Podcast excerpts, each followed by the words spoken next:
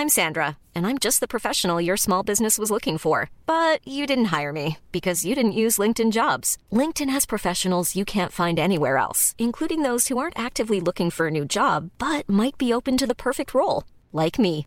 In a given month, over 70% of LinkedIn users don't visit other leading job sites. So if you're not looking on LinkedIn, you'll miss out on great candidates like Sandra. Start hiring professionals like a professional. Post your free job on linkedin.com/people today.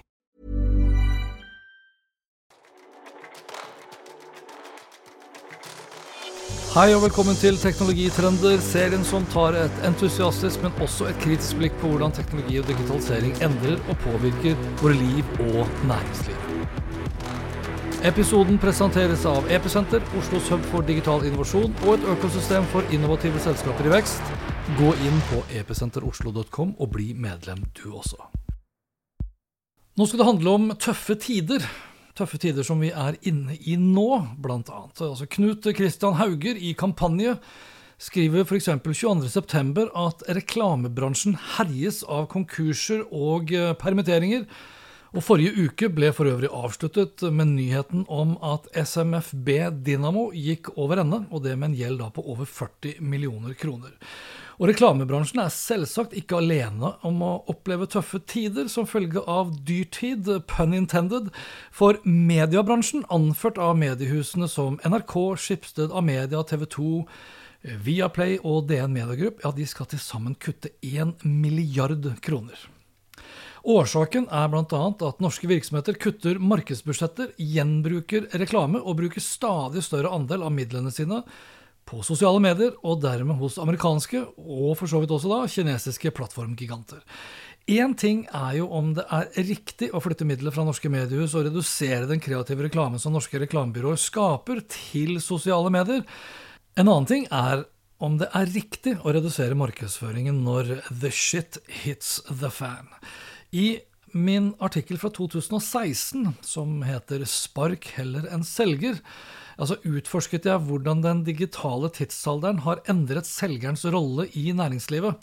Og jeg påpekte da at i tidligere tider, spesielt under økonomiske nedgangstider, ja, så var det markedsførings- og kommunikasjonsansatte som ofte ble kuttet først. Selgere ble beholdt fordi de var de som tross alt fikk inn kronene.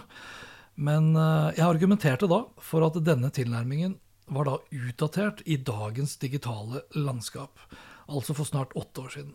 Den gang mente jeg at kundereisen hadde endret seg såpass dramatisk med fremveksten av internett og sosiale medier at det var viktigere enn noensinne å ha en sterk digital tilstedeværelse. Jeg foreslo der og da at virksomhetene heller burde vurdere å beholde de ansatte som kan styrke dette digitale fotavtrykket, som markedsførings- og kommunikasjonsansatte, fremfor da tradisjonelle selgere. Bl.a. for å styrke merkevarens kjennskap, kunnskap Omdømme, noe som gjerne trengs da hvis ambisjonen med markedsføringen er da å øke salget. Og For snart åtte år siden da, så understreket jeg da at inbound er den nye outbounden, og at fokuset fremover bør være på å skape kjøp fremfor å selge.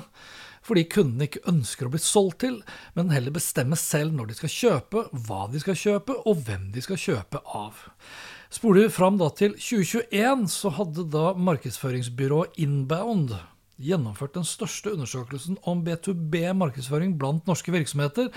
En undersøkelse som mest av alt avslørte, mente jeg da, at norske B2B-virksomheter sitter fast i 90-tallet. Bakgrunnen for min påstand da var at B2B-virksomhetene forholdt seg til markedsføring nesten som om internett og sosiale medier ikke fantes. I tillegg jobbet man med markedsføring fryktelig klassisk, som f.eks. å skape trafikk til nettsiden, og dermed leads. Leads som da selgerne skulle ta over og close til salg, hvis du vil, til butikk. Nå har vi lagt bak oss en eh, pandemi, vi har krig i Europa, alt blir dyrere, marginer blir mindre, og sparekniven er igjen tatt opp av skuffen. I tillegg så har Inbound gjennomført undersøkelsen på nytt, som dessverre bekrefter mest av alt at 90-tallet fortsatt gjelder for de aller fleste B2B-virksomhetene. Og Nå skal ikke jeg gå gjennom alt som blir avdekket av undersøkelsen, men forsøke å konsentrere meg mm, om de mest sentrale funnene. Hele rapporten i sin helhet kan du laste ned. Lenke finner du som alltid på hanspetter.info. Men jeg skal konsentrere meg da om de mest sentrale funnene, som f.eks. at mer enn seks av ti virksomheter har flere i salgsavdelingen enn markedsavdelingen. 30% svarer at samarbeidet mellom salg og markedsavdelingen er dårlig.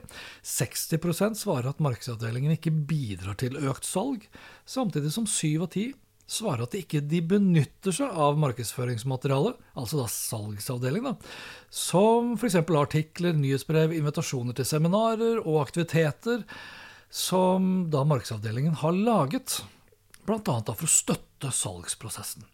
Over halvparten av B2B-virksomhetene har ikke definerte tallfesta markedsføringsmål. Og dette blir jo da enda mer alvorlig når vi da ser at under 40% måler effekten av markedsføring på salg i noe særlig stor grad. Nærmere 60% gjør det i liten grad eller ikke i det hele tatt. Og årsaken til det er, som de da har svart selv, at ikke de har kunnskap eller kapasitet. Det igjen handler gjerne om at man da ikke har prioritert. Og det er klart det er vanskelig å prioritere noe man da ikke har kunnskap om, eller da kapasitet til. Salgsavdelingene rapporterer om tøffere konkurranse og utfordringer med å kommunisere verdien av egne produkter og tjenester. Og det her er jo da klassiske utfordringer som kunne bl.a. vært løst med bedre samarbeid med nettopp markedsavdelingen.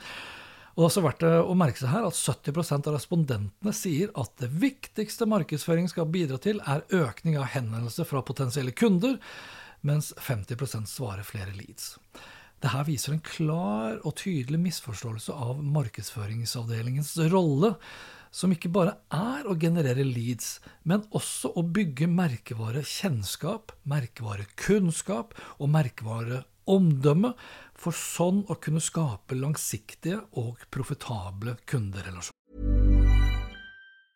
I'm Sandra, and I'm just the professional your small business was looking for. But you didn't hire me because you didn't use LinkedIn jobs. LinkedIn has professionals you can't find anywhere else, including those who aren't actively looking for a new job but might be open to the perfect role, like me. In a given month, over 70% of LinkedIn users don't visit other leading job sites. So if you're not looking on LinkedIn, you'll miss out on great candidates like Sandra. Start hiring professionals like a professional. Post your free job on linkedin.com/people today. Og slik kunne jeg egentlig fortsatt i det uendelig på mange måter, altså i henhold til rapporten. For rapporten er til dels deprimerende å lese, og enda en gang blir det bekreftet at svært få egentlig vet hva kunstig intelligens er, f.eks., for eksempel, fordi de aller fleste også svarer at ikke de bruker kunstig intelligens, samtidig som nesten alle svarer at de benytter seg av SEO og Google-annonsering og Facebook og sosiale medier som sådan, fordi det gir best ROI og effekt. I alle disse tilfellene så er jo det her nettopp da eksempler på bruk av kunstig intelligens. Når vi setter disse funnene opp mot hverandre, ser vi et klart bilde av norske B2B-virksomheter som er fanget i gamle arbeidsmetoder. Mangelen på samarbeid mellom salg og markedsføring, kombinert med uklare mål og manglende målinger, skaper en slags perfekt storm for ineffektivitet og stagnasjon. Det er egentlig på overtid at norske B2B-virksomheter revurderer hele tilnærmingen sin til salg og markedsføring hvis ambisjonen er å være konkurransedyktig i en verden som blir stadig mer digital og global. Nå er det mange ting da, som kan være riktig for en B2B-virksomhet å gjøre for å styrke markedsføringen og salget, og istedenfor å bare klage over hva de ikke har gjort, som kommer frem av rapporten, så har jeg nå satt opp ti forslag som kan eller, ja, kan eller bør vurderes. Jeg begynner med innholdsstrategi. For alle bedrifter bør utvikle en solid innholdsstrategi som inkluderer alt fra det å produsere blogginnlegg, eventuelt lage en podkastserie, etablere og få på plass en YouTube-kanal, ha webinarer osv., som da handler om å posisjonere virksomheten som en tankeleder f.eks. i bransjen. Og her er det jo da viktig å variere innholdet for å styrke kjennskapen, da snakker vi om strukturkapitalen, kunnskapen, som da er humankapitalen, holdningen til selskap, som handler da om omdømme og tillit, og handling da til slutt, som gjerne da relateres da til det å kjøpe. Nummer to er SEO-optimalisering. Invester i søkemotoroptimalisering for å øke synligheten i organiske søk, og dermed tiltrekke mer relevant trafikk tilbake. Så er det jo viktig da, å satse videre på sosiale medier. altså Bruk sosiale medier aktivt for å bygge merkevarekjennskap, og sånn sett engasjere seg da med potensielle kunder. Og Her vil jeg påstå at det er, det er best, tror jeg, å fokusere på færrest mulig sosiale kanaler, og heller jobbe da mer målretta med å gjøre det bra i de få kanalene, enn å heller da være dårlig i mange. Alle som en bør også ha på plass en god strategi for e-postmarkedsføring. For eh, det å utnytte e-postmarkedsføring for hva det er verdt, for da å holde kontakt med eksisterende kunder, og sånn sett da varme opp potensielle, eh, potensielle leads, ja, det kan også ha stor, stor effekt. Videre så må man jobbe med kundesegmentering, og her er jo et anbefaling å bruke da dataanalyse, kanskje til og med bruke kunstig intelligens for det, for sånn sett da å segmentere kundebasen og tilpasse markedsføringsbudskapet til ulike målgrupper. Og husk da at tredjepartskukken den er i praksis død, noe som gjør det da vanskeligere å målrette markedsføringen. Så her kan jo da førstepartsdata ved hjelp av kundeklubber, altså for å få folk til å logge seg på, bidra positivt til målretting, og sånn sett også da drive e-postmarkedsføringen.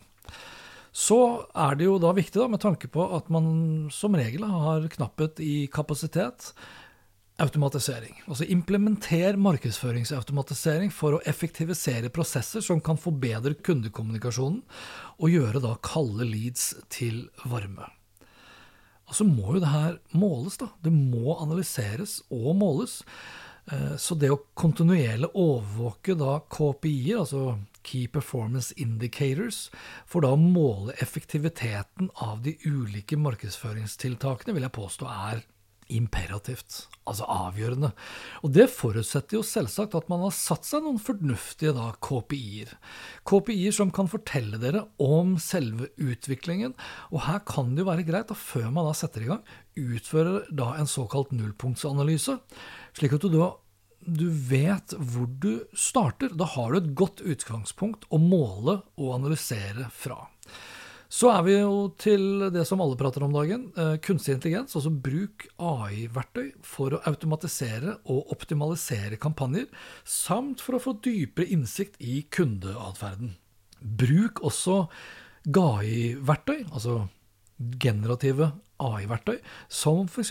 ChatGPT, for å få innspill og hjelp til å produsere innhold, til å komme opp med gode overskrifter og ingresser, call to actions og tekstposter som du kan bruke i sosiale medier eller til nyhetsbrevet ditt. Så vil jeg jo selvfølgelig også anbefale alle å utnytte kundeanmeldelser og såkalte da testimonials for hva det er verdt. Altså, søk aktivt etter og vis frem kundeanmeldelser og testimonials som kan bidra til å styrke merkevarens omdømme og tillit. For det kommer til å drive også da kalde leads til å bli litt varmere. Og omni-channel-strategi, som jeg syns det er lenge siden man har snakket om, handler jo om hvordan man da får integrert da samtlige markedsføringskanaler, samtlige markedsføringstiltak, for da å skape en sømløs kundeopplevelse, som da igjen da handler om hvordan man agerer før, underveis og etter at man da liksom satte i gang da en kjøpsprosess, eh, satte i gang en kundereise. Så ved å implementere disse tiltakene så kan jo B2B-virksomheter ikke bare forbedret sitt digitale fotavtrykk og sin digitale markedsføring, men selvsagt da også styrke merkevaren og øke salget underveis og samtidig. Så ved å implementere disse tiltakene, så kan jo da B2B-virksomheter ikke bare forbedre sin digitale markedsføring, men også styrke sin merkevare, og sånn sett da også øke salget. Forutsetningen for å lykkes med disse tiltakene handler om teknologi, selvsagt, men handler mer om kultur enn om teknologi. Og derfor spiller ledelsen en kritisk rolle i å styrke samarbeidet mellom salg og markedsføring. Og her er det viktig at ledelsen er proaktive i denne sammenhengen. Altså Basert på de ti punktene så bør ledelsen først og fremst sørge for at både salgs- og markedsavdelingen har en klar forståelse av virksomhetens overordna mål og strategi. Og det kan jo oppnås på mange måter gjennom regelmessige møter og workshops der begge avdelinger er inkludert. Videre så kan ledelsen investere i teknologi som CRM-systemer eller markedsføringsautomatiseringsplattformer som da letter informasjonsflyten mellom de respektive avdelingene. For det vil hjelpe i koordineringen av kampanjer og i oppfølgingen av leads og kunder. Ledelsen bør også oppmuntre til kulturbygging, der suksess feires kollektivt, uavhengig om det er en salg- eller markedsføringsprestasjon. Dette skaper en følelse av felles ansvar og mål, som igjen kan føre til mer effektivt og produktivt samarbeid. Og til slutt så bør også ledelsen vurdere om de kan sette opp insentiver som belønner tverrfaglig samarbeid og mål som bare kan oppnås gjennom felles innsats fra både salg og marked. Og det her vil jo ikke bare da forbedre samarbeidet, men også bidra til å nå virksomhetens overordna mål. Så det er en no-brainer på mange måter. Det er bare det at no-brainer ikke er en no-brainer hvis kulturen ikke er på plass. Og om det da må spares, om dere må liksom bruke sparekniven, så minner jeg igjen om artikkelen fra 2016, hvor jeg mente at det var bedre å sparke en selger enn å kutte ned på markedsføring og kommunikasjon. Og det har ikke blitt mindre sant i løpet av de siste åtte årene. Tvert imot. Og dette var det for denne gang. Inntil neste episode, vær nysgjerrig, men still også kritiske spørsmål. Ikke bli en teknologisjåvinist, for det er den eneste riktige måten å møte fremtiden vår på. Lenke til alt jeg snakket om finner du som alltid på smetter.info. Snakkes. Hei då.